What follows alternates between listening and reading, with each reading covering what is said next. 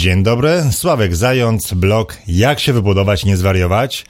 Dzisiaj podcast o umowach. Jak podpisać umowę z wykonawcą, na co uważać i dlaczego tak mało osób umowy w ogóle podpisuje. Zapraszam do słuchania.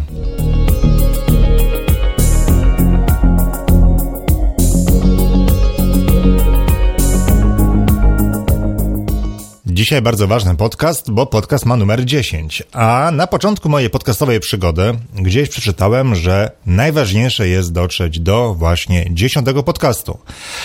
Dlaczego? Dlatego, że większość osób na początku, jak zaczyna przygodę z podcastami, no to jest oczywiście duży entuzjazm, duże zaangażowanie, dużo chęci. Jest pierwszy podcast, drugi, trzeci, czwarty pojawia się trochę wolniej, piąty trochę, trochę na siłę jest robione, szósty się pojawia po kilku miesiącach, no i większość osób kończy szybko dosyć swoją przygodę podcastową. No i gdzieś przeczytałem, że te 10 podcastów jest najważniejszych, bo jak ktoś doprowadził podcast do numeru 10, to raczej już potem będzie już szło z górki, więc bardzo się cieszę. Eee, Przyznam się, że nie do końca nawet wiem, ile osób mnie słucha. E, w niektórych serwisach widzę, że mnie słucha prawie 100 osób, e, ale nie wiem, jaka jest łączna liczba, więc e, no pozdrawiam wszystkich. Dajcie znać, co wam się podoba w podcastach, a co nie. Mm, każde słowo ma dla mnie oczywiście duże znaczenie. A dzisiaj będzie o umowach. I umowy są ważnym tematem i podzielę podcast na dwie części. W pierwszej części opowiem o tym, dlaczego ludzie nie podpisują umów, bo chcę pokazać, że obawy, które niektórzy mają, jeżeli chodzi o umowy, są bezzasadne. A w drugiej części omówię Waszą umowę. Kilka tygodni temu poprosiłem Was w mailu i na Facebooku o to, żebyście przysyłali swoje umowy, albo które zrobiliście, albo które wysłał Wam wykonawca. Wysłał Wam, żebyście wysłali te umowy po prostu mi do wglądu, żebym je ocenił. No i spędziłem nad Waszymi umowami z kilkadziesiąt osób, e, z kilkadziesiąt godzin łącznie. No i mam coś na ten temat do powiedzenia. E, tak więc, no, zaczynamy. Zacznę od tego, dlaczego umowy są tak ważne. I ten temat chcę trochę mm, rozszerzyć, ponieważ wiem, jak to jest, tak? No, jeżeli na przykład ty nigdy umów nie podpisywałeś albo po prostu mnie ufasz, no to jeżeli powiem ci, że słuchaj, słuchaj, no podpisywanie umów, rób umowy, bo to ważne, bo inaczej to będziesz miał same kłopoty, no to kiwniesz parę razy głową i zrobisz po swojemu. Przerabiałem to nieraz, tak? Nawet e, z moimi znajomymi, którym tłumaczyłem, jak ważne są umowy i podczas rozmowy potakiwali mi, że no tak, tak, mam mam rację, mm, bardzo często tych umów nie podpisywali z uwagi na brak chęci, brak czasu, brak wiedzy o tym, jak to zrobić, e, a jednak e, umowa jest tak naprawdę czymś obowiązkowym. Bez umowy wykonawca może robić z tobą wszystko i nie masz e, bez umowy żadnego zabezpieczenia. Nie mam pojęcia, skąd się wzięła taka nieufność do umów. E, mało osób takie umowy podpisuje, ale widzę to na co dzień. E, na przykład klienci mojej firmy dostają do podpisania formularz zlecenia. Może jedna osoba na 100, może jedna osoba na 200 czyta, co podpisuje. Zwykle jest e, o, takie omiecenie wzrokiem kartki, z pytanie, gdzie mam złożyć podpis, ludzie podpisują dokument i i idą swoją stronę. Mm, widzę to na co dzień, y, jak załatwiam swoje, swoje sprawy. Na przykład dostaję jakąś umowę do podpisania. Y, jakąkolwiek, tak? To może być umowa na, na telewizję satelitarną, to może być jakaś umowa taka po prostu w życiu prywatnym. To, to zauważyłem, że konsultant na przykład już bierze palec, pokazuje mi, że ja tutaj muszę podpisać, a ja mówię, nie, nie, chwileczkę, tak?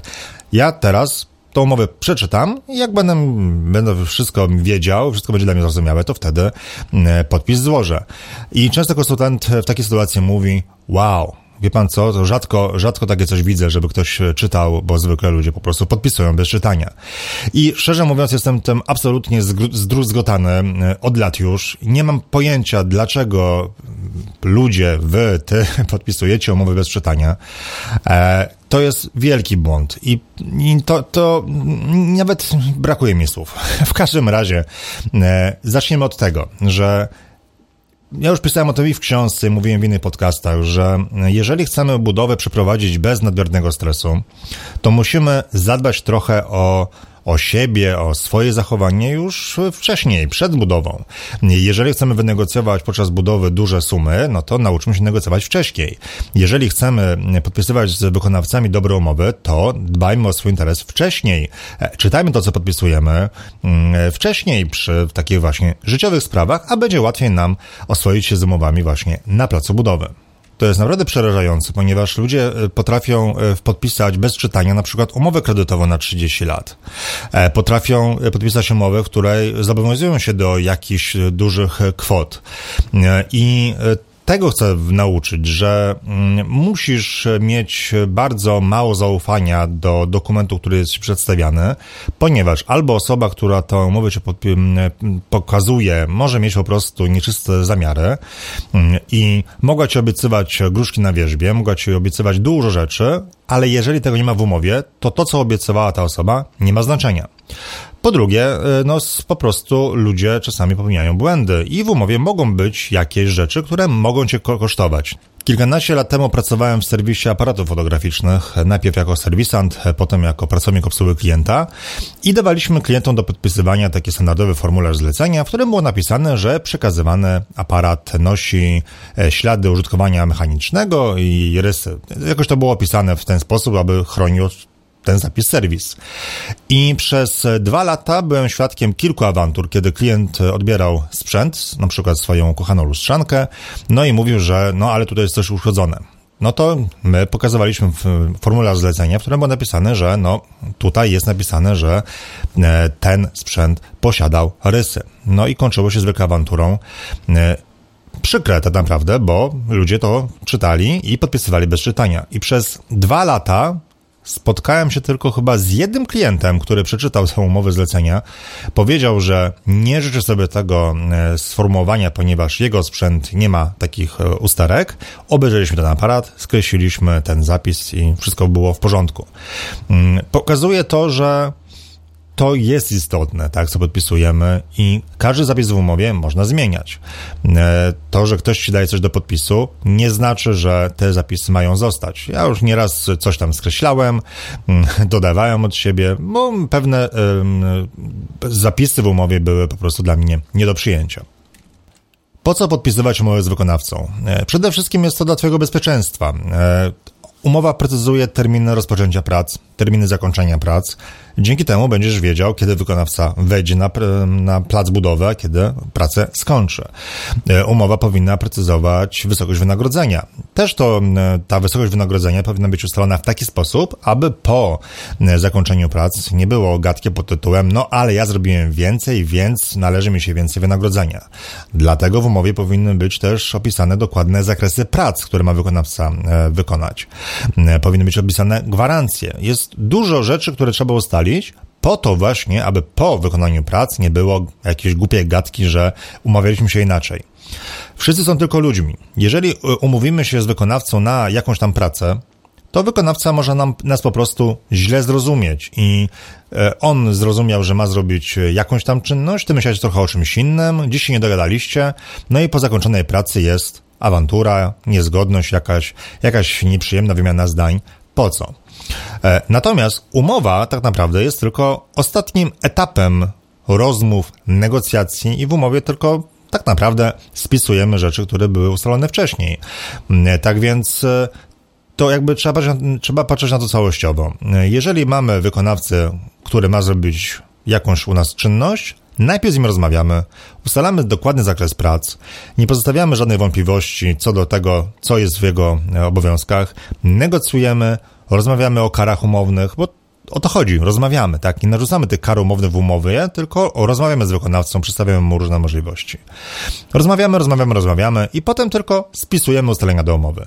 To jest dosyć proste i więcej o tym będę mówił w drugiej części podcastu, kiedy będę omawiał e, przesłane przez Was e, umowy. Mm, no i dlaczego umów nie podpisują inwestorzy. E, spotkałem się z wieloma wymówkami, ja to tak nazwę. E, taką, taką największą wymówką, najczęściej spotykaną jest to, że żaden wykonawca nie podpisze umowy. I to jest guzik prawda, nie mówiąc brzydziej. E, każdy wykonawca, z którym współpracowałem, podpisał umowę. Jeżeli jakiś umowa, jakiś wykonawca nie chciałby podpisać umowy, to wtedy się żegnamy, bo taki wykonawca nie jest dla mnie godzien zaufania. E, I, i, i tak naprawdę o to chodzi. E, nie ma czegoś takiego, że wykonawca nie chce podpisać. Jeżeli nie chce podpisać, to prawdopodobnie nie chce dać gwarancji. E, ten wykonawca nie jest w żaden sposób dla siebie bezpieczny. Takich wykonawców unikaj.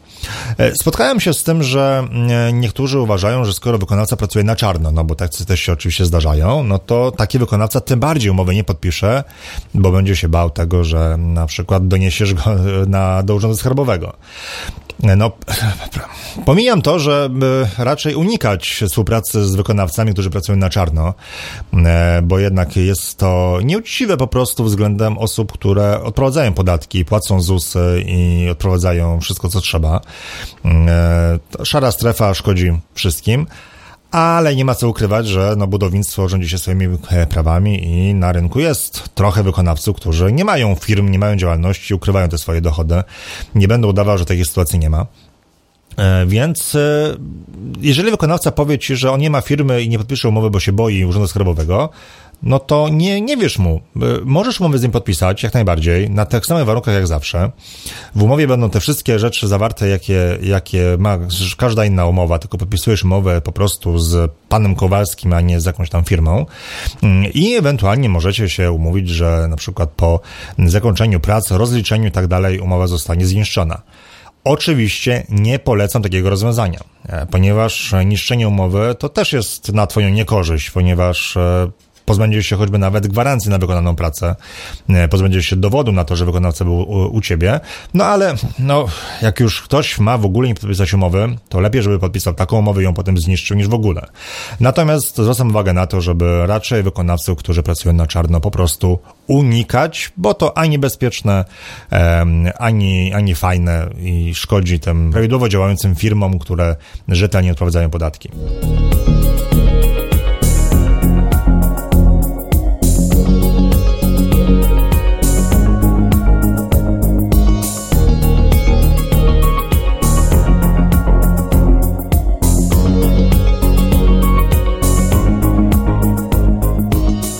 Jak skłonić wykonawcę do podpisania umowy? E, no jeżeli słuchałeś mojego podcastu o negocjacjach, to wiesz, że ja podchodzę do współpracy z ludźmi w sposób partnerski. Rozmawiam, ustalam szczegóły e, pracy, rozmawiam jeszcze więcej i pewne rzeczy po prostu wychodzą w trakcie rozmowy. Jeżeli byś e, z wykonawcą zamienił tylko kilka słów, a potem dał do podpisania wykonawcy kilkunastostronicową e, umowę, gdzie są jakieś bełkotliwe zapisy, których nikt nie rozumie, to wcale się nie dziwię, że wykonawca takiej umowy nie będzie chciał podpisać. Ja też bym nie chciał.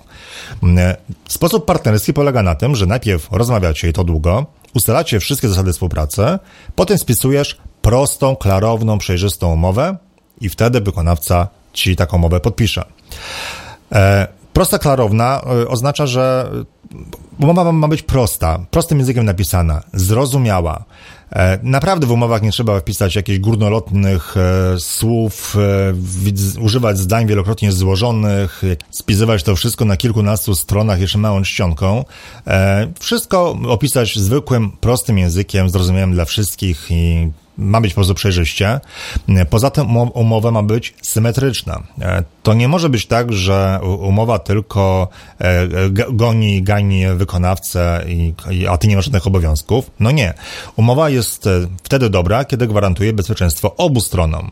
Jeżeli na przykład chciałby, żeby wykonawca płacił ci, czy też obniżał wynagrodzenie za każdy dzień opóźnienia, Masz takie prawo oczywiście, no ale niech się wykonawca też czuje bezpiecznie. W takim razie temu podwyższysz wynagrodzenie, jeżeli spóźnisz się e, z płatnością, na przykład. Dzięki temu każdy jest bezpieczny. E, ty możesz oczekiwać od wykonawcy tego, że zapłaci ci jakąś karę umowną, jeżeli przerwie pracę albo w ogóle zrezygnuje z wykonania usługi. Okej, okay, w porządku, ale także w drugą stronę. Wykonawca też się musi czuć bezpiecznie, bo przecież są różni inwestorzy, także niestety cwaniacy, z przykrością e, to stwierdzam. E, I może być tak, że jakiś inwestor znajdzie lepszą ekipę, tańszą i nagle powie tamtemu wykonawcy, który sobie e, jakiś tam termin zarezerwował, że no sorry, jednak to żegnamy się, no, no pan tutaj termin zarezerwował, a przykro mi, no do widzenia. No to właśnie umowa ma być symetryczna. Tak więc w takiej sytuacji, jeżeli inwestor wybierze inną firmę już po podpisaniu umowy, to też będzie płacił jakąś e, karę umowną. I dzięki temu nie ma problemu, tak? Jest umowa, e, gwarantuje bezpieczeństwo obu stronom. No kto by takiej umowy nie podpisał? Kolejnym powodem, dla którego umowy nie są podpisywane, jest taka niewiara e, w sądy, niewiara w ich skuteczność. No, na temat sądów Powiedziano już wiele, natomiast moje doświadczenia są raczej pozytywne. To już miałem jakieś sprawy sądowe z, niestety, z moimi klientami, którzy gdzieś się tam ociągali w płatnościach albo e, po prostu zniknęli. E, I powiem szczerze, nie jest tak źle. Znaczy, oczywiście nie mogę powiedzieć, że ja reprezentuję jakąś e, próbkę statystyczną i jak ja powiem, że wszystko jest dobrze z sądami, to jest dobrze. Nie, po prostu to jest moje zdanie. Umowy e, w moim przypadku po prostu działają, sprawdziłem to już wiele razy i, i dlatego je podpisuję. Natomiast jest tak naprawdę druga strona, że w momencie, kiedy wykonawca podpisze umowę, to w tym momencie już on czuje jakby presję, tak? On się do czegoś zobowiązał.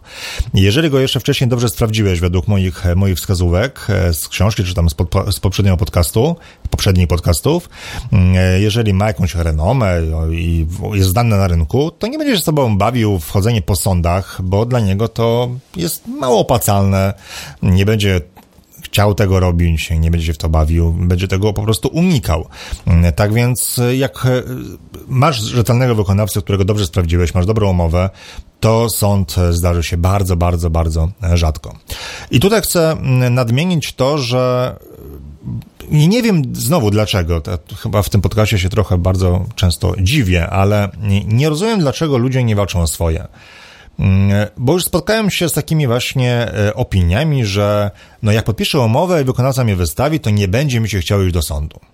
Albo to jest za duże koszty, mi się nie będzie chciało. I gdyby to były tylko takie ga gadanie, to jeszcze bym to tam machnął ręką, ale już za często widziałem sytuację, że ludzie machali ręką, nie ścigali niesolidnych dłużników, niesolidnych wykonawców, na zasadzie takiej, że a co ja się będę szarpał i tak nic nie uzyskam. Czasami chodzi o naprawdę duże kwoty, o kilka, kilkanaście tysięcy złotych. No i zamiast walczyć o swoje, e, ludzie machają na to ręką, bo szkoda czasu, bo i tak się nic nie uda. No i no, ręce opadają tak naprawdę, bo no, pójście do prawnika o poradę, czy nawet załatwienie tego zdalnie, y, poświęcenie na to kilku godzin jest niczym w porównaniu do tego, że możesz y, odzyskać właśnie swoje pieniądze. No więc lepiej chyba przeznaczyć nawet jeden dzień roboczy na to, żeby te 10 tysięcy zdobyć, a przynajmniej zwiększyć na to szansę, no bo przecież w ciągu jednego dnia tych 10 tysięcy chyba nie zarobisz, prawda? Jeżeli zarobisz, no to gratulacje, ale raczej, raczej nie. E, po drugie, no jeżeli pozwalamy tak i machamy ręką na, na oszustów, to pozwalamy im działać dalej na rynku. Jeżeli wykonawca ukradł raz kilka tysięcy, to za chwilę przyjdzie do innego inwestora i ukradnie u niego kilkanaście tysięcy złotych. Potem będzie szedł dalej, kradł dalej. No i jak będziemy tak machać rękami, no to, no to, to, to jest bardzo niezdrowe tak naprawdę. I yy, dlatego ja walczę o swoje, niezależnie od kwoty, bo po prostu dla zasady, koniec. Po drugie, jeżeli jestem rozczarowany jakimś wykonawcą y, i nawet jeżeli pieniędzy nie straciłem, to i tak e, zostawiam po nim ślad w internecie e, po to, żeby się fajnie pozycjonowało, żeby po prostu ostrzec innych. I tu też wielka prośba, jeżeli e, masz jakiegoś niesolidnego wykonawcę, umieść w paru miejscach w sieci informacyjne jego temat. No ile to ci zabierze? Godzinę? Dwie? Tak, ale e, dzięki Twojemu wpisowi możesz komuś innemu po prostu oszczędzić nerwów. Mm, e, pewnie znacie, jak nie znacie, to zapraszam do, e, do mojego artykułu na temat tego, jak ja dałem się nabrać. Tam była moja historia ze stolarzem. Mm, no, popełniłem przy tej historii sporo błędów, przyznaję się do tego mm, otwarcie. Ale to, co zrobiłem, to jest to, że w artykule spisałem wszystkie dane wykonawcy po to, żeby kolejne osoby które chciałyby z niego skorzystać, na niego się nie nacięły i już parę osób mi podziękowało właśnie za, za ten artykuł, za to, że dzięki niemu wiedzą, kogo unikać. Tak więc to tak w ramach takiej ma małej dygresji. E, więc umowy są skuteczne, nie bójmy się e, tego, że nie. Wykonawcy też boją się chodzić do sądu e, i czasami nawet sprawa się w sądzie nie kończy, ponieważ wystarczy właśnie dobra umowa, wezwanie do zapłaty, czy też wezwanie do naprawienia VAT i to często wystarcza. Sąd jest ostatecznością i mm, no, tak, naprawdę, a jeżeli umowy byś nie miał, no to, to nic nie zrobisz. Zamykasz sobie drogę. Kolejną taką wymówką do niepodpisywania umów jest to, że e, liczy się człowiek, a nie umowa, więc nieważna jest umowa, ważny jest e, wykonawca, co on sobą reprezentuje. Po części jest to prawda. Tylko, że nikt nie mówi, że sama umowa ci coś zagwarantuje. Umowa jest tylko pewnym pewnym, pewną składową pewnego procesu. Musisz znaleźć wykonawcę, musisz go dobrze wybrać. Musisz sprawdzić jego klientów, poprosić o referencje. Musisz sprawdzić jego pracę, porozmawiać z nim i dopiero podpisać umowę. Dopiero jak, pod, jak wszystkie elementy wykonasz, sprawdzisz wykonawcę i tak dalej, no to będzie w porządku. Natomiast jeżeli wybrałeś wykonawcę pierwszego lepszego, nie sprawdziłeś w ogóle, co on reprezentuje, uwierzyłeś mu, że ma jakichś klientów i że byli oni zadowoleni i podpiszesz z taką wykonawcą umowę, to ta umowa w sumie to ci dużo nie zagwarantuje. Tak więc trzeba patrzeć na ten wybór wykonawcy całościowo. Umowa jest tylko jednym z elementów. Ona niczego ci nie zastąpi. Ona powinna być jako element pewnej całości. A kolejną sprawą jest to, że jeżeli ktoś mówi, że zna się na ludziach, bo tak często właśnie słyszę, że on nie potrzebuje umów, bo on zna się na ludziach, on wie komu zaufać. No i no powiem tak, jak słyszę i widzę osobę, która mówi, że zna się na ludziach, to zwykle ona się na tych ludziach nie zna. Po prostu ona jest e, przekonana o tym, że jest po prostu dobra w poznawaniu ludzi, ale praktyka pokazuje coś innego. To jest częsty problem. E, na przykład przedsiębiorcy bardzo często podejmują pewne decyzje na podstawie swojej intuicji, a to jest błąd, bo e, powinno się podejmować decyzje na podstawie danych, a nie na temat właśnie jakichś tam wrażeń i przekonań, bo czymże jest innym intuicja. Ale nawet przyjmijmy na chwilę, że mamy idealny świat. Mamy samych super wykonawców, e, dbających o renomę, uczciwych i tak dalej. Czy w takiej sytuacji nie podpisywać umowy? Podpisywać. E, dlatego, że nawet uczciwy wykonawca, albo taki, który dba o renomę, może mu się jakaś e, noga podwinąć, coś się może stać, e, jakiś może problem wystąpić. Znam taką sytuację, że była firma bardzo znana, polecana chyba na forum Oratora, bardzo, bardzo często, od wielu lat tak naprawdę. No i w pewnym momencie ludzie tak naprawdę uderzali do niej w ciemno, no bo skoro tyle osób ją poleca, no to nie może być nic złego. Jak ludzie zaczęli tam się do tych firmy odzywać, no to ufali w te rekomendacje, więc nie sprawdzali niczego. Po prostu jestem z formulatora, podpisujemy umowę albo jej nie, działamy. Ale okazało się, że firma, no tych e, ludzi z Moratora miała bardzo dużo, było, było bardzo dużo klientów. Więc firma zaczęła zatrudniać kolejne osoby. E, do pracy. E, no i zaczęło być już gorzej, bo jeżeli dla danego klienta robiła ekipa, która pracowała z tym, z tym wykonawcą od wielu lat, było wszystko w porządku. Jeżeli jednak e, robiła to ekipa pozyskana świeżo, to już były problemy. No i z czasem wykonawca brał więcej prac, gorsze y, ekipy brał do pomocy, no i nagle się okazało, że wykonawca stracił całą renomę, zaczęły się spóźnienia, y, problemy, wymówki i koniec dobrego, rzetelnego wykonawcy. No i osoby, które nie miały podpisanej umowy z takim wykonawcą, miały problem, tak, bo zawierzyły temu, że no, wykonawca jest polecany wszędzie, umowy nie podpisywały, no i potem było ciężej po prostu e, odzyskać to, co do nich e, należało. Kolejną wymówką do tego, aby umów nie podpisywać, jest coś takiego, że mm, inwestor ma lepszą pozycję bez umowy. E, spotkałem się z tym kilka razy. Mm, e, osoby, które tak twierdzą, uważają, że umowa ich ogranicza. A jak nie ma umowy, to oni czują się lepiej z tym, ponieważ umowa umową, ale tak naprawdę jak wykonawca czegoś nie zrobi, to ja mu nie zapłacę i wszystko jest w porządku. No i e, to jest słabe tak naprawdę, e, bo to, to nie jest partnerskie podejście, o którym ja mówię. To, to, to jest jakieś podejście inwestora, który współpracuje z wykonawcą z pozycji siły. E, ja na miejscu takiego wykonawcy nie zgodziłbym się na współpracę z takim inwestorem, który tylko żąda i który nie ma umowy, więc on będzie za każdym razem czegoś domagał i, i chciał dopełniać obowiązki, nie mając niczego na piśmie, bez ustalionego zakresu prac, no to nie jest zbyt fajne. I, I, szczerze mówiąc, ten, ten temat spowodował, że zrezygnowałem z udzielania się na forum oratora, ponieważ miałem już dosyć e, rozmów z ludźmi, którzy e, zaczęli na przykład budować dom i oni się ze mną kłócili, że e, umów nie podpisują, bo te umowy nic im nie dają, więc mówię, jak inwestor, jak wykonawca czegoś nie zrobi, to ja mu nie zapłacę i, i, koniec, a jak mu się nie będzie podobało, to on sobie pójdzie. I potem widziałem wpisy w różnych dziennikach budowy tych samych osób, które były takie mądre, E, że potem tak, tutaj była jakaś kłótnia z elektrykiem, że coś miał zrobić, ale nie zrobił, bo się nie dogadali, bo nie było umowy. E, inna osoba nie przyszła w terminie, który e, miała przyjść, no bo nie było umowy. No i potem ci sami inwestorzy, którzy taki, tacy byli mądrzy, potem pisali, jacy to źli wykonawcy. Tylko żadnej nie było z tego nauki to byli źli wykonawcy, a nie zły inwestor, który nie podpisał umowy. No i szczerze mówiąc, zdecydowałem z forum moratora, bo już miałem trochę dosyć ludzi, którzy są po prostu przekonani o swojej nieomylności mm, i o tym, że e, współpraca z wykonawcami właśnie z takiego punktu e, siły e, jest jedynym słusznym. Oni nawet nie widzą tego, że mimo, że nawet starałem się obiektywnie pokazać, że słuchaj, bez umowy, spotka... dlatego, że nie masz umowy, spotkało cię to, to i to i to robisz to źle. Nie, nie, nie, wszystko jest dobrze, to zły wykonawca, zły wykonawca. No, no nie, nie. Dobry wykonawca podpisze umowę, która też tobie zagwarantuje, zagwarantuje bezpieczeństwo, a ze złym, e, no, to mam nadzieję, że ze złym wykonawcą nie będziesz współpracował, bo go odrzucisz na pierwszym etapie, kiedy e, go e, sprawdzałeś.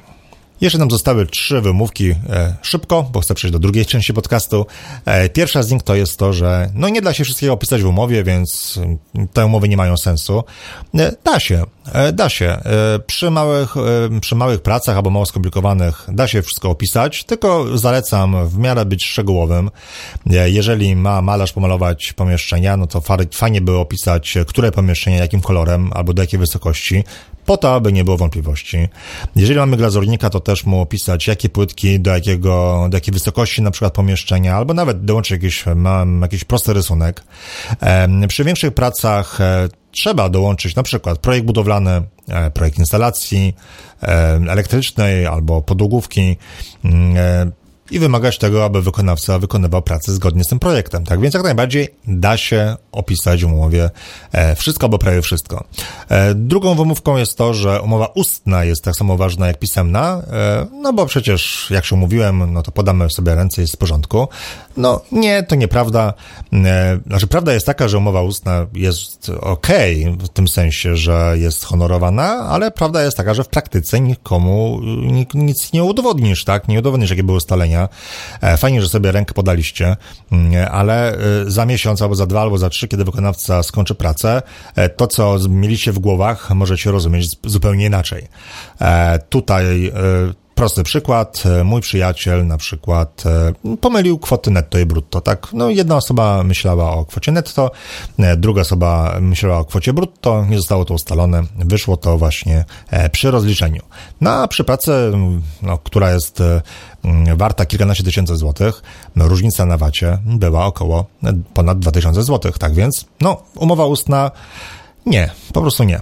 Na piśmie miecie wszystko. I trzecia rzecz, że e, to taka też częsta wymówka, że nie mam czasu na pisanie umów. Nie mam, nie mam czasu. Jak nie masz czasu na pisanie umów, to nie buduj się. No taka jest prawda, bo jeżeli nie jesteś w stanie przeznaczyć e, tych kilku godzin na przykład na, na napisanie umów, e, a nawet przecież możesz skorzystać z wzorów umów, które dołączą do mojej książki, e, no to nie buduj się, tak? No bo jeżeli jednego dnia nie, nie przeznaczysz na umowy, to jakim cudem będziesz miał czas na inne aspekty budowy, których jest całe mnóstwo. Rozumiem ludzi, którzy nie umieją pisać umów tak, to, to nic dziwnego. No, ja akurat umiem, bo robię to od kilkunastu lat e, i jestem e, dokładny, staranny i wiem, jakie powinny być zapisy, ale rozumiem, że są ludzie, dla których umowy są czymś e, niejasnym. No, jakby nie patrzę, trzeba się z tym oswoić. No ale w takim razie, skoro czegoś nie umiesz robić, no to, to komuś to po prostu zleć mm, prawnik. Ja, ja wiem, że e, no, ludzie się boją prawników, uważają, że prawnicy są drodzy, e, ale czy tak naprawdę wiesz, ile usługa prawnika, prawnika kosztuje? E, czasami e, w, godzina konsultacja u prawnika to jest na przykład 100 zł. Jeżeli będziesz chciał jakiś, e, jakąś umowę dobrą podpisać z wykonawcą, na przykład na stan zero, na stan surowy, przepraszam, no to prawdopodobnie będziesz musiał z prawnikiem usiąść i porozmawiać, postarać szczegóły. Taka usługa będzie droższa, ale niech nawet kosztuje 300 złotych. 400 zł. No czym to jest w porównaniu do pracy, która jest warta na przykład ponad 100 tysięcy złotych? No to chcesz zaryzykować? no kurczę, ludzie grają w gry losowe, w totka, na wyścigach konnych i tutaj liczą na wygraną, a jednocześnie nie chcą przeznaczyć e, tych e, set złotych po to, aby właśnie wygrać e, w przypadku odpukać jakiś tam problemu z wykonawcą. Tak więc nie bójmy się prawników, aczkolwiek uważam, że dużo rzeczy możemy spisać sami i mm, usługa prawnika często nie będzie nam potrzebna, albo będzie nam potrzebna do, do tego, aby zweryfikować pewne zapisy w umowie, co jest w ogóle usługą tanią i szybką do wykonania. Mam nadzieję, że teraz już wiesz, jak ważne jest podpisywanie umów i to, że umowy znacznie podwyższają Twoje bezpieczeństwo i będziesz podpisywał umowy choćby po to, żebym nie gadał kolejne pół godziny. Więc teraz płynnie przechodzimy do drugiej części, e, mianowicie o tym, jak analizowałem Wasze umowy.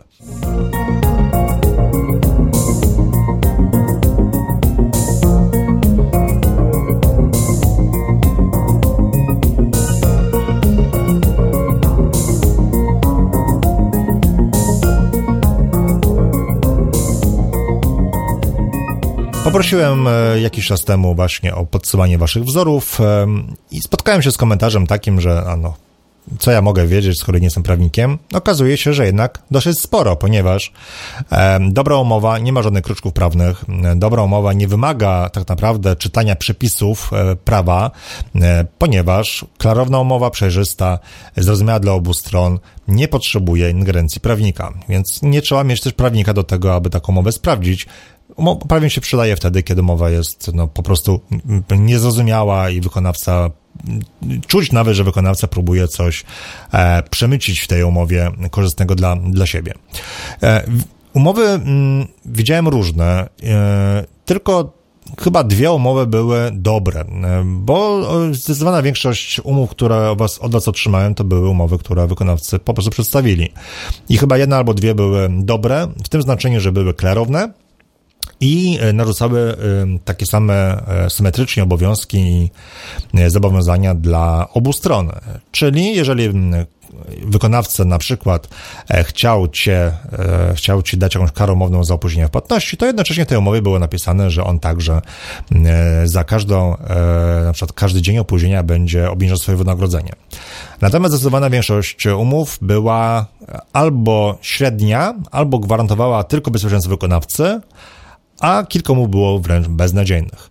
Najgorsza umowa była przedstawiona przez biuro architektoniczne. E, biuro realizuje albo już nawet zrobiło projekt budowlany, no i z, gdzieś tam e, podczas rozmów okazało się, że mogą także postawić cały dom. E, no więc przedstawili umowę na właśnie postawienie całego budynku. Ta umowa była na dużo pieniędzy, do chyba stanu surowego bodajże. I pierwsze wrażenie było już od razu negatywne. Ja nie jestem jakimś wielkim estetą, jeżeli chodzi o umowy, e, bo ważne są zapisy, ale nie to, jak wygląda. No ale jeżeli widzimy umowy, które są e, powtórzone te same punkty, ta sama numeracja, e, są błędy interpunkcyjne, a w tej umowie było kilkanaście spacji przed kropkami. Umowa jest formatowana w taki sposób, że niektóre paragrafy są po prawej stronie, niektóre, niektóre po środku, niektóre bardziej z lewej. To wszystko wygląda jakby to był naprawdę jakaś jakieś, jakieś dzieło szaleńca, no to już wiem, że coś jest nie halo, szczególnie, że umowę przedstawiło biuro projektowe, które no jakby z założenia projektanci są trochę bardziej, bo powinni być e, do, dokładniejsi, tak dbający o pewne szczegóły, a tu dostałem takie coś no, sformatowane i spisane w sumie na kolanie. No i jak zacząłem się wczytywać umowę, to okazało się, że wiele zapisów dla mnie niezrozumiałych były opisane w to w taki sposób, że ja nie do końca wiedziałem, co ja czytam. W umowie były jakieś e, daty e, wpisane, na przykład e, mamy przecież 2019 rok, a tam były daty wykonania pewnych elementów e, zaznaczone, że do tam któregoś e, miesiąca roku 2017. Były dwie różne kwoty podane realizacji tej umowy. No, ewidentnie ktoś posklejał jakieś kilka chyba umów w jedną.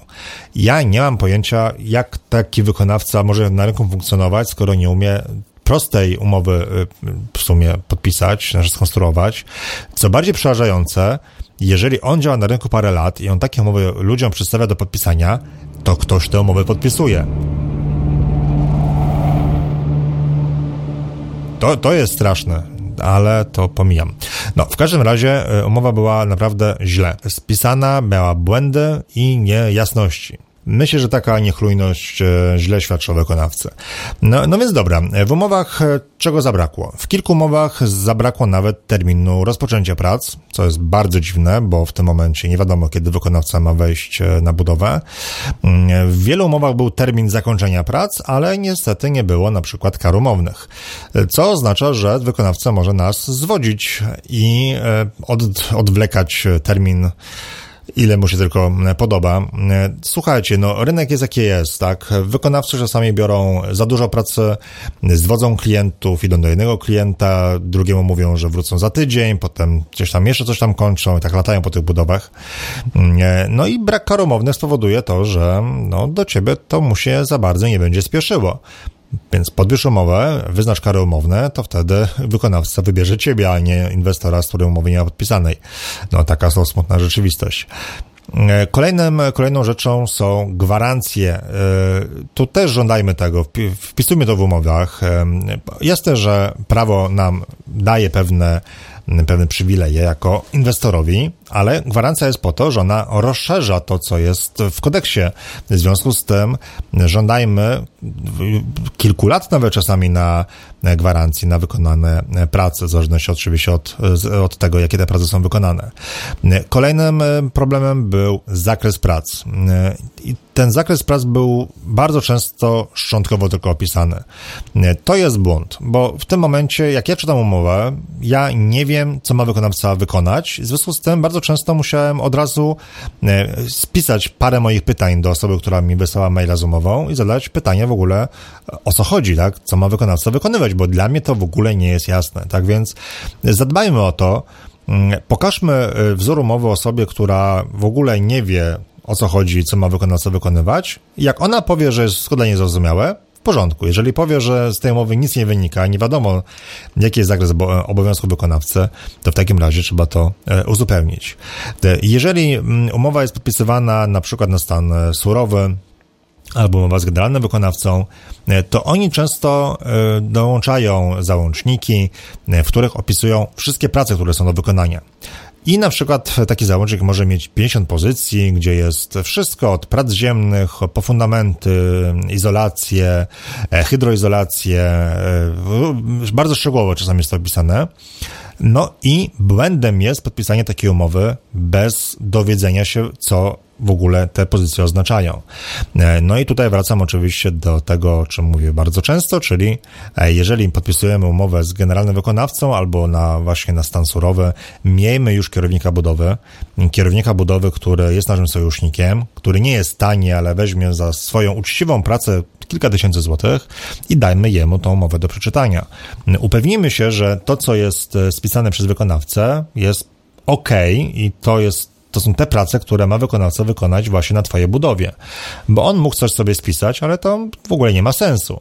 No i teraz, jeżeli taką umowę podpiszesz, no to potem może się okazać, że jednak coś wykonawca przeoczył albo czegoś nie wpisał tego, co powinno być, coś się okaże podczas budowy, no i wykonawca będzie chciał na przykład za to więcej pieniędzy. Unikaj takiej sytuacji.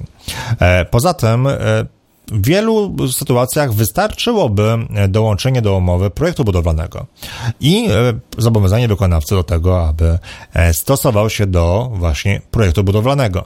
No, praktyka jest taka, że projekty są różne i często są małe, mało szczegółowe, więc mm, e, to też jest problem, o którym mówiłem. W związku z tym, no, gdzieś trzeba to wypośrodkować. Kierownik budowy jest swoim sojusznikiem, powinien w ogóle projekt budowlany przeżyć e, wcześniej, zobaczyć, czy nie ma jakichś błędów, a zaręczone na pewno są. Skoro ja znajduję w każdym projekcie błędy, no to kierownik budowy, który jest jednak ekspertem, znajdzie ich e, zdecydowanie więcej. E, dopiero wtedy, kiedy mamy projekt już sprawdzony przez kierownika budowy, uzupełniony, dajemy do, go do wykonawcy. Wykonawca zgłasza swoje uwagi, i tu też moja uwaga. Jeżeli wykonawca nie ma żadnych uwag do projektu budowlanego, to znaczy, że tego projektu nie czytał, tak po prostu. E, to, to tak to wygląda. E, I dopiero wtedy, kiedy umowę podpisujecie z wykonawcą, na podstawie dobrego projektu, ten projekt może dołączyć do, e, do umowy. Tak więc pamiętajcie o tym, że my, inwestorzy, nie musimy się znać na wszystkim, nie musimy się znać na materiałach budowlanych, na technologii budowy. Otaczaj, otaczajmy się ludźmi, którzy po prostu na ten temat wiedzą więcej niż my.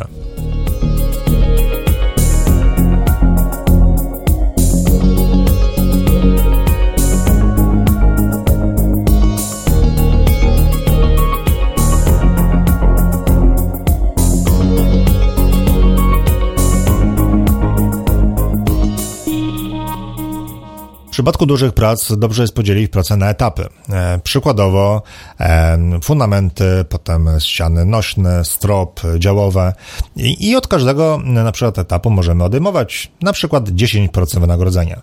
E, to po to, żeby nie płacić wykonawcy e, wszystkiego tego, co sobie zażyczył po pierwszym etapie, ponieważ być może będzie chciał cię opuścić z pewnych przyczyn. No i wtedy nawet co z tego, że zapłacić jakąś karę umowną, e, skoro zostaniesz z rozgrzebaną budową, a znaleźć wykonawcę w tych czasach, tak z miesiąca na miesiąc, jest bardzo ciężko, więc jeżeli wykonawca ci od, e, zejdzie z budowy, e, no to niestety może to wstrzymać twoją budowę na kolejne pół roku na przykład. W związku z tym takie dodatkowe zostawienie sobie jakiejś tam partii wynagrodzenia jest dodatkowe dodatkowym motywatorem dla wykonawcy, po prostu. E, oczywiście można to podzielić na różne sposoby. Można po prostu podczas e, rozmów z wykonawcą te kwoty już zmniejszyć i te zmieszane kwoty wpisać do, do budowy, do umowy, a rozliczyć dopiero na koniec. Jakby sposób działania jest jak sobie życzysz, tak? Chodzi o to, żeby wykonawca zawsze jeszcze e, miał pewien jakby niedosyt, tak? Żeby jeszcze muszę trochę popracować u ciebie, żeby zdobył e, wszystkie pieniądze. I ja wiem, że z punktu widzenia wykonawcy to nie jest zbyt bezpieczne, e, bo wykonawcy by najchętniej wzięli dużą zaliczkę i potem pracowali na spokojnie, no ale no, no niestety, tak? Dbamy, dbamy o swój interes. Rzetelni wykonawcy raczej nie mają z tym problemu, żeby rozliczać się w ten sposób. Tak tak więc no, to mocno sugeruje. I tutaj słowo jeszcze na temat zaliczek. Spotkałem się w dwóch umowach z bardzo e, taką abstrakcyjną jak dla mnie zaliczką, znaczy dużą zaliczką. E, nie wyobrażam sobie zapłacenia jakiejkolwiek firmie 50 tysięcy, 60 tysięcy albo 70 tysięcy zaliczki. E, a takie zapisy były właśnie w dwóch umowach. E, nie pozbywa się swoich pieniędzy, ponieważ e, no, pieniądze są bezpieczne głównie u ciebie. Jak zapłacisz taką wielką zaliczkę, to wyobraź sobie, że no, wykonawca ogłosi upadłość, na przykład. No, różne mogą być przyczyny. E, może akurat wziął tak wysoką zaliczkę, żeby uregulować jakieś swoje inne zobowiązania. No i co wtedy? Tak, no oczywiście, no, masz umowę, masz niby wszystko jest sprawdzone, ale niepotrzebny stres niepotrzebne e, problemy, no bo te pieniądze będą po prostu gdzieś tam zamrożone. Jeżeli nawet e, wszystko pójdzie dobrze i, e, i prawnik, sąd i tak dalej, te pieniądze odzyskasz, no to odzyskasz je pewnie za rok, dwa, trzy. No a tych pieniędzy po prostu potrzebujesz podczas budowy. Więc bardzo o, o, swoje pieniądze. Nie patrz tych pieniędzy za dużo, jakoś tak racjonalnie. 50 tysięcy zaliczki jest kwotą nieracjonalną. Jeżeli wykonawca kupuje materiały budowlane, to dalej ta zaliczka jest za duża. E, chodzi o to, żeby rozliczyć jakąś część na przykład pierwszego etapu, fundamentów. Niech e, tak będzie, że dasz na przykład wykonawcy część pieniędzy na zakup materiałów, chociaż lepiej byłoby, żebyś e, sam płacił w składzie budowlanym, który jest przez niego e, wyznaczony, jeżeli to właśnie wykonawca e, kupuje materiały i dzięki temu płacisz za faktycznie otrzymane materiały i płacisz wtedy, kiedy te materiały są na twojej budowie, a nie płacisz wykonawcy, licząc na to, że te materiały załatwi. Tak więc no, dbajmy o swoje pieniądze, po prostu. W jednej umowie były, te, były takie zapisy, że zaliczka jest w wysokości kilkudziesięciu tysięcy złotych, a po pierwszym etapie, jakim jest e, budowa fundamentów, inwestor miał zapłacić kolejne 100 parę tysięcy e, złotych e, dodatkowo, co powodowało, że fundamenty byłyby gotowe, a inwestor miałby w kieszeni mniej więcej mniej niż mniej o 200 tysięcy złotych. To jest abstrakcja, bo w tym momencie to wykonawca ma po prostu mm, e, trzyma w garści inwestora, któremu, który, od którego dostał dużo pieniędzy i może z nim robić to naprawdę wszystko. E, tak więc uważajmy na to, zaliczki jak najbardziej mogą być w niektórych sytuacjach, ale też nie za duże, aczkolwiek ja uważam, żeby zaliczek jak tylko się da unikać. E, rozsądny wykonawca raczej nie będzie miał z tym problemów. E, zaliczki raczej się daje w momencie, kiedy wykonawca e, załatwi materiały budowlane. I tutaj słówko jeszcze o materiałach budowlanych, bo w paru umowach było to napisane w taki sposób, że wykonawcy, wykonawca kupuje materiały budowlane. Tylko wracam do tego nieszczęsnego projektu budowlanego. E, jeżeli w projekcie budowlanym nie ma konkretnych informacji, jaki materiał trzeba kupić, wykonawca nie będzie wiedział, jaki ma materiał kupić. E, a co gorsze, kupi jakiś materiał. E, I potem nie wiesz, czy kupił dobry materiał, czy kupił zły materiał, czy mógł kupić lepszy, czy gorszy, czy cię naciął, czy się nie naciął, a może kupił taki materiał, że ma lepsze upusty w hurtowni, a może kupił materiał po prostu w wyższej cenie, bo ma jakiś układzik gdzieś tam pod stołem, te pieniądze do niego wracają. Nie masz pojęcia tak naprawdę. Więc zwracam jeszcze raz, że projekt budowlany jest najważniejszy. W projekcie budowlanym muszą być e, opisane wszystkie elementy, e, które e, służą do budowy domu w sposób jednoznaczny. Czyli nie na izolację idzie strypan 12 cm, bo informacja strypan 12 cm nie pozwoli ci kupić materiału budowlanego konkretnego, tylko to jest zgadywanka. E, natomiast konkretną informacją jest steropian 12 cm, EPS 40, lambda 0041. Jeszcze lepiej, żeby była to informacja, czy to jest deklarowana, czy obliczeniowa lambda. E, I co jeszcze? Lambda, grubość, a steropian biały ewentualnie, czy, czy szary, czy jakieś tam wkropki. E, I te informacje dadzą ci, to są konkretne informacje. I wtedy wykonawca wie, co ma kupić i możesz go z tego rozliczyć. Jeszcze gorsze jest to, e, gdy e, widzę umowy z generalnym wykonawcą i generalny wykonawca od razu podaje kwotę za, za wszystko, za materiał i za robociznę. E, no ale jak on może podać kwotę za wszystko w momencie, kiedy w projekcie nie ma konkretnej informacji? No to jak on to wycenił? To też tak trochę mi się lampka tutaj świeci na czerwono. Na jakiej podstawie wykonawca podał ci cenę? To na to uważajcie. Więc to jakby po raz kolejny mówię, wiem, ale szczerze mówiąc jest niedziela 22 i to może dlatego i nie mogę się już tak dobrze skupić, ale bardzo chciałem ten dziesiąty podcast zrobić jeszcze, jeszcze dzisiaj, e, właśnie w niedzielę, e, więc zwracam uwagę na to, żeby ten projekt sprawdzić, czyli powinno być tak, że mamy projektanta, projekt jest realizowany, szukamy żadnego kierownika budowy, kierownik budowy Gdzieś tam jest e, ten projekt, e, sprawdza, odpowiada na nasze pytania. Jest e, wykonawca, kierownik budowy jest też gdzieś tam pomiędzy właśnie tym projektantem a, wykonawcą po to, aby zwracał uwagę na pewne rzeczy. Nie podpisujcie umów z wykonawcą, jeżeli nie macie jeszcze kierownika budowy. Po prostu. To, to nie tędy droga. Najpierw kierownik budowy, potem wykonawca. Co jeszcze w umowie? E, w umowie powinny być informacje o tym, co jeżeli wykonawca na przykład popełni jakiś błąd albo, albo coś wyjdzie, jakaś niedoróbka, e, coś trzeba będzie poprawić. Więc powinna być informacja taka, jak szybko będzie naprawiona usterka. E, wykonawca powinien się zobowiązać do tego, że na przykład naprawi usterkę w ciągu na przykład 7 dni. To po to, żeby uniknąć sytuacji takiej, że wszystko niby jest w porządku, po robocie okazuje się, że jednak nie. Dzwonisz do wykonawcy, a on ci mówi, że wpadnie no, za dwa, trzy tygodnie, bo on ma jakąś inną robotę, a za trzy tygodnie powie ci, że jeszcze potrzebuje dwa tygodnie, bo teraz jest gdzieś daleko. To dbajmy o swój interes. Warto sobie pomyśleć podczas tak jakby pisania umów albo czytania, czytania ich, rozważać różne możliwości, tak? E, czyli co jeżeli wykonawca się nie zjawi na budowie? No to wtedy kara umowna i tak dalej. E, co jeżeli się e, wykonawca spóźni? Co jeżeli będą jakieś usterki? Co jeżeli? Co jeżeli? W tym momencie, tak w ten sposób, jak będziemy myśleć, łatwiej będzie nam sprawdzać umowę, bo umowa powinna na te wszystkie co jeżeli odpowiadać.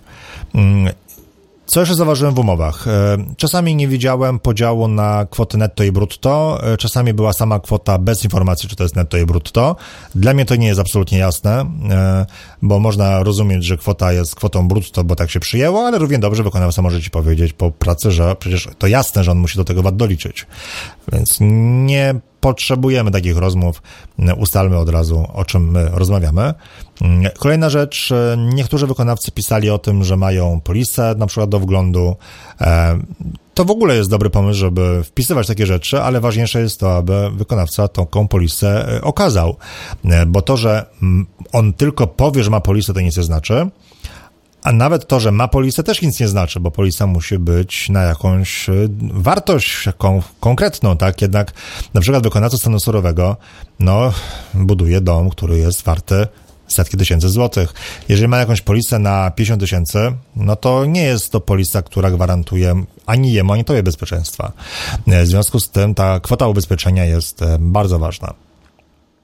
Co jeszcze? W jakiejś umowie widziałem zapis, że jeżeli ulegnie zmianie wysokość cen robocizny, materiałów i transportu na rynku krajowym e, po upływie trzech miesięcy od zawarcia tej umowy, e, no to wtedy proporcjonalnie zmienia się wartość umowy. E, jest to zapis bezpieczny, to znaczy, że faktycznie, no jeżeli na przykład zaczynasz budowę za pół roku, za rok, wykonawca też ma prawo odpowiednio zabezpieczyć swój interes. Więc jeżeli ceny na przykład transportu materiałów robocizny by wzrosły, no to wtedy ma prawo zwiększyć swoją kwotę wynagrodzenia ale po, powinno być to jakoś sformułowane w umowie w sposób, który nie budzi wątpliwości. Czyli w jaki sposób sprawdzimy, czy ceny robocizny wzrosły, czy ceny materiałów wzrosły transportu, na podstawie jakich danych bo wtedy i ty, i wykonawca będą, będziecie mogli obiektywnie spra- sprawdzić i stwierdzić, czy ceny wzrosły na tyle, że rzeczywiście wykonawca jest uprawniony do tego, aby zwiększyć swoje wynagrodzenie. Tak więc, e, jeżeli wykonawca do czegoś się odwołuje, no to zadbajmy o to, aby w umowie było podane źródło tych danych. Jeszcze wrócę na chwilę do kar umownych. Otworzyłem umowę, którą komuś przyglądałem. E, umowa była podpisana, albo będzie podpisana na budowę domu e, w technologii pasywnej do stanu deweloperskiego. E, no, no duża kwota po prostu. No i jaką karę umowną sobie wykonawca zażyczył? Cytuję, wykonawca zapłaci inwestorom karę w wysokości 0,1 wartości wynagrodzenia określonego tu i tu za każdy rozpoczęty tydzień zwłoki w oddaniu przedmiotu umowy. W tym przypadku oznacza to 500 zł kary za każdy tydzień opóźnienia. To jest bardzo, bardzo, bardzo mała kara.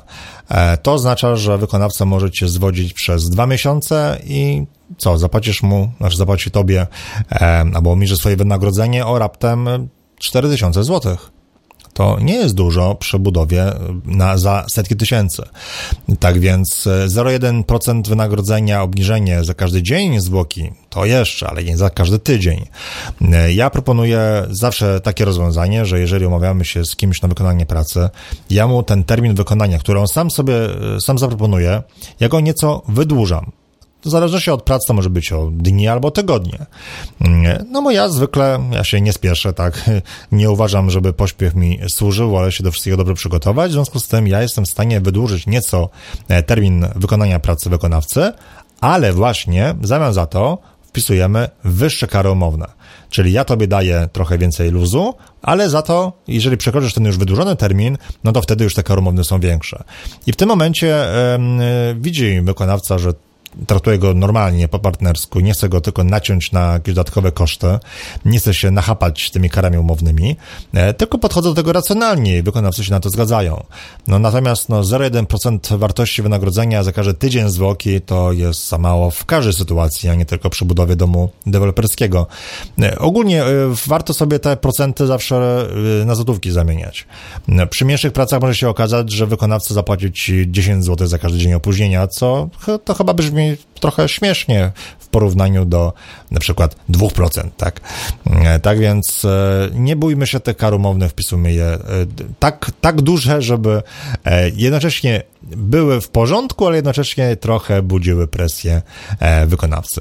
Patrzę jeszcze na tą umowę i ona dotyczyła umowy e, na stan deweloperski. Natomiast nie ma nigdzie w przepisach określonego, co to jest stan deweloperski e, i trzeba to ustalić.